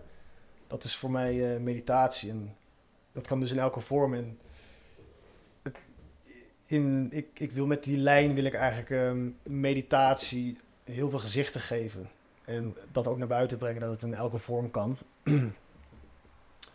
Ehm, en het is, het is ook een, een, een, het is ook een beetje een eye-catchers ding. Dus als je met een rondloopt, dus dat je, dat je uitdraagt dat je bij dit zogenaamde meditatieteam hoort. En dat je dat het in ieder geval er bewust mee bezig bent. En dat het misschien ook wel uiteindelijk wel echt Mhm. een, een, een movement wordt, weet je wel Ja. van 100.000 gekke mensen die gewoon daarmee bezig zijn en een bepaalde frequentie zitten. En die elkaar misschien niet daadwerkelijk kennen, maar wel elkaar herkennen. Ja, En eh, op die manier wel kunnen connecten. Of kunnen banden of zo. Dus het is gewoon wereldwijd gewoon een team van allemaal verschillende meditators die Ja. gewoon... eh, en dat een ander soort van imago krijgt ook. Misschien Ja. wat minder... minder statisch, minder zitten alleen Ja. en, en op die manier. Maar gewoon in de meest brede vorm eigenlijk. Ja, ja, Ja, hard. ja. Vet. Mooi man. En eh ja, ik- dankjewel voor dit eh, uiteenzetten van jouw, eh, van jouw meesterschap, of ja, kunst, kunstenaarschap. dankjewel. En ehm, ja, ik, waar kunnen mensen jou vinden? Ik weet dat je ook workshops geeft tegenwoordig. Zou je gewoon eventjes kunnen te- vertellen waar, waar, waar kan ik zo'n workshop volgen? Ja, Waar kan ik je kleding kopen? kleding is bashmate.com. Bashmate.com, oké. Kunst, schilderij is alantm.com. Nice. En, ehm, Lekker. Ja, volg me op Instagram, Alan Medit. En daar komt een beetje alles samen. Van alle dingen die ik doe. Alle facetten. En eh, ehm, wat was het ook alweer? oh ja, cu- eh, cursussen. Ja, dus workshops. Dat, dat speel ik ook al lang mee met het idee om workshops te geven. En ook hetgene wat ik bij Kapitaal heb geleerd en die kracht die ik gevoeld heb om door middel van kennis je eigen stem te verspreiden en je eigen visie eh, aan de wereld te geven. Of je eigen, of, of ook een, een tool te zijn. Ja, ik wil dat ook doorgeven. Ik wil gewoon laten zien dat dat ehm, veel makkelijker is dan mensen denken. En, en het kan ook gewoon ernaast, zo maar zeggen. Je hoeft niet eh, fulltime een soort van in de, de mode te kunnen eh, te, te gaan. Maar je kan ook gewoon die skills aanleren en eh, een apparaat kopen of niet. Of gewoon soms ergens eh zeef drukken. En ik wil eigenlijk wat ik in die eh, jaren geleerd heb. In de laatste acht jaar, negen jaar wil ik ja, bundelen in een, in een soort van workshop en in een, in een vorm, workshop vorm. En dat gewoon doorgeven. Dus ehm, ik heb op een festival heb ik mijn eerste workshop gegeven. En dat, dat, dat was gewoon eh, een, een simpelere vorm. Dat is niet safe drukken, maar meer heat pressen. En daar ga ik dan mee beginnen. Dus het zijn gewoon workshops van twee uur. Daarin kan je gewoon je eigen ontwerp gaan heat pressen op iets wat je zelf hebt meegenomen. En ik begeleid je dan met het ontwerp van het logo of van de, de boodschap die je hebt. En dan gaan we de kleuren uitkiezen en dan gaan we gewoon iets tofs maken. En dan wil ik dat, ja, dat gevoel meegeven dat, je, dat het helemaal niet zo moeilijk ho- hoeft te zijn. En dat je het allemaal zelf kan doen. En dan, eh, ja, wie weet waar, waar het op uitkomt. Nice. Dus, ehm, ja, dat is ook een van de dingen waar ik eh, mee bezig ben. En dat kan je allemaal op allantm.com checken. ja, Check it out. vet man. Ja, sowieso. Ga het eh, checken. En eh, als je meer wil eh, weten, ga gewoon lekker zo'n workshop doen. Ja, Ik bedoel, het is sowieso eh, super tof ook wat je met, eh, natuurlijk met je dochters eh, doet. En eh, het ziet er ook heel leuk uit voor kids. Voor Het kinderen, als, tenminste. ja mijn, mijn oudste dochter die is vier en die, die, ja, die heeft nu ook haar eigen lijn en eigen logo. En ja, die, die, voor haar is het ook heel, heel natuurlijk. Het kan in haar DNA zitten, maar het is gewoon best wel makkelijke... het is best wel makkelijke handeling en zo. En ik kan het wel goed faciliteren in die zin. Dus. Ja. En dus ook die, wat ik toen de tijd miste, probeer ik dan nu een soort van aan te bieden. En die generatie, die jonge generatie, juist ook die tools te geven. Ja, en dat, kan ook, dat kan ook de oudere generatie zijn. Het kan, maar ja, het is niet leeftijdsgebonden. En ehm, ja, hopelijk eh, wordt de wereld daar gewoon eh, een stuk kleurrijker en eh, creatiever, spannender door. ja mooi man. Dankjewel uh, voor het vertellen van je verhaal. En ook echt uh, tof om dit uh, te horen. Ik bedoel, Sowieso. we zitten natuurlijk altijd... uh, Dikke lobby. Ja, we zitten altijd naast elkaar gasten te, te, interviewen. Maar ook lachen om jou een keer gewoon helemaal in geur en kleur te horen en te mogen genieten hiervan. Dus ja, de luisteraars, de kijkers, dank jullie wel weer. Allan, dank je wel. Jullie bedankt. Ja, en nice. nou ja, ik hoop dat jullie deze aflevering natuurlijk kunnen delen. En dat jullie ons een, uh, een volgje geven. Even een likeje. Een, een, likeje, alles erop en eraan. Ja, Bel-icon, opmerkingen, alles. Ja, en we vinden het ook heel leuk om van jullie te horen Wie zouden jullie willen dat wij interviewen? Jullie mogen meedenken in onze nieuwe gast. Ja, Ja, bij Spotify heb je zo'n eh, vraag nu. Heb je het gezien? Nee? Nee, als je de podcast aanklikt of hebt geluisterd, dan krijg je nu een vraag. En die vraag kon ik dus zelf definiëren.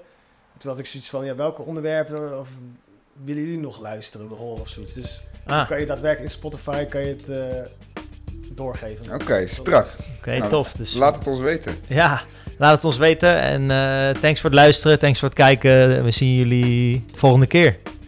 Ciao. Maar ja, we hebben niet over zieldingen gehad.